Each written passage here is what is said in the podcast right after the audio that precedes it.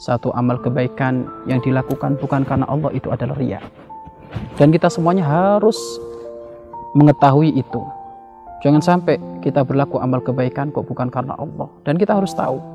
Dan memang hampir kebaikan yang kita lakukan di dunia ini hampir semuanya muaranya sebab musabab riaknya sangat banyak. Sholat mungkin sekali riak. Infak sedekah lebih-lebih mungkin sekali riak. Haji umroh begitu juga sama, mungkin sekali adalah riak. Maka banyak amal-amal kebaikan yang kita lakukan ini jika tidak kita tata hati kita, mungkin sekali ada riak. Bahkan riak itu, sifat pamer itu kadang tidak terasa, tiba-tiba nongol ada di dalam hati kita. Sehingga suatu ketika bagi dan Nabi Muhammad SAW bersabda, bahwasanya ria itu kata bibi namlati sauda.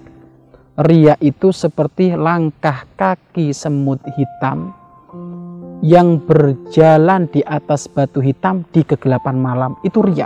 Artinya sangat lembut sekali. Tiba-tiba nongol di dalam hati kita, tiba-tiba nongkrong di dalam hati kita. Sangat bahaya sekali urusan ria itu. Sangat bahaya sekali.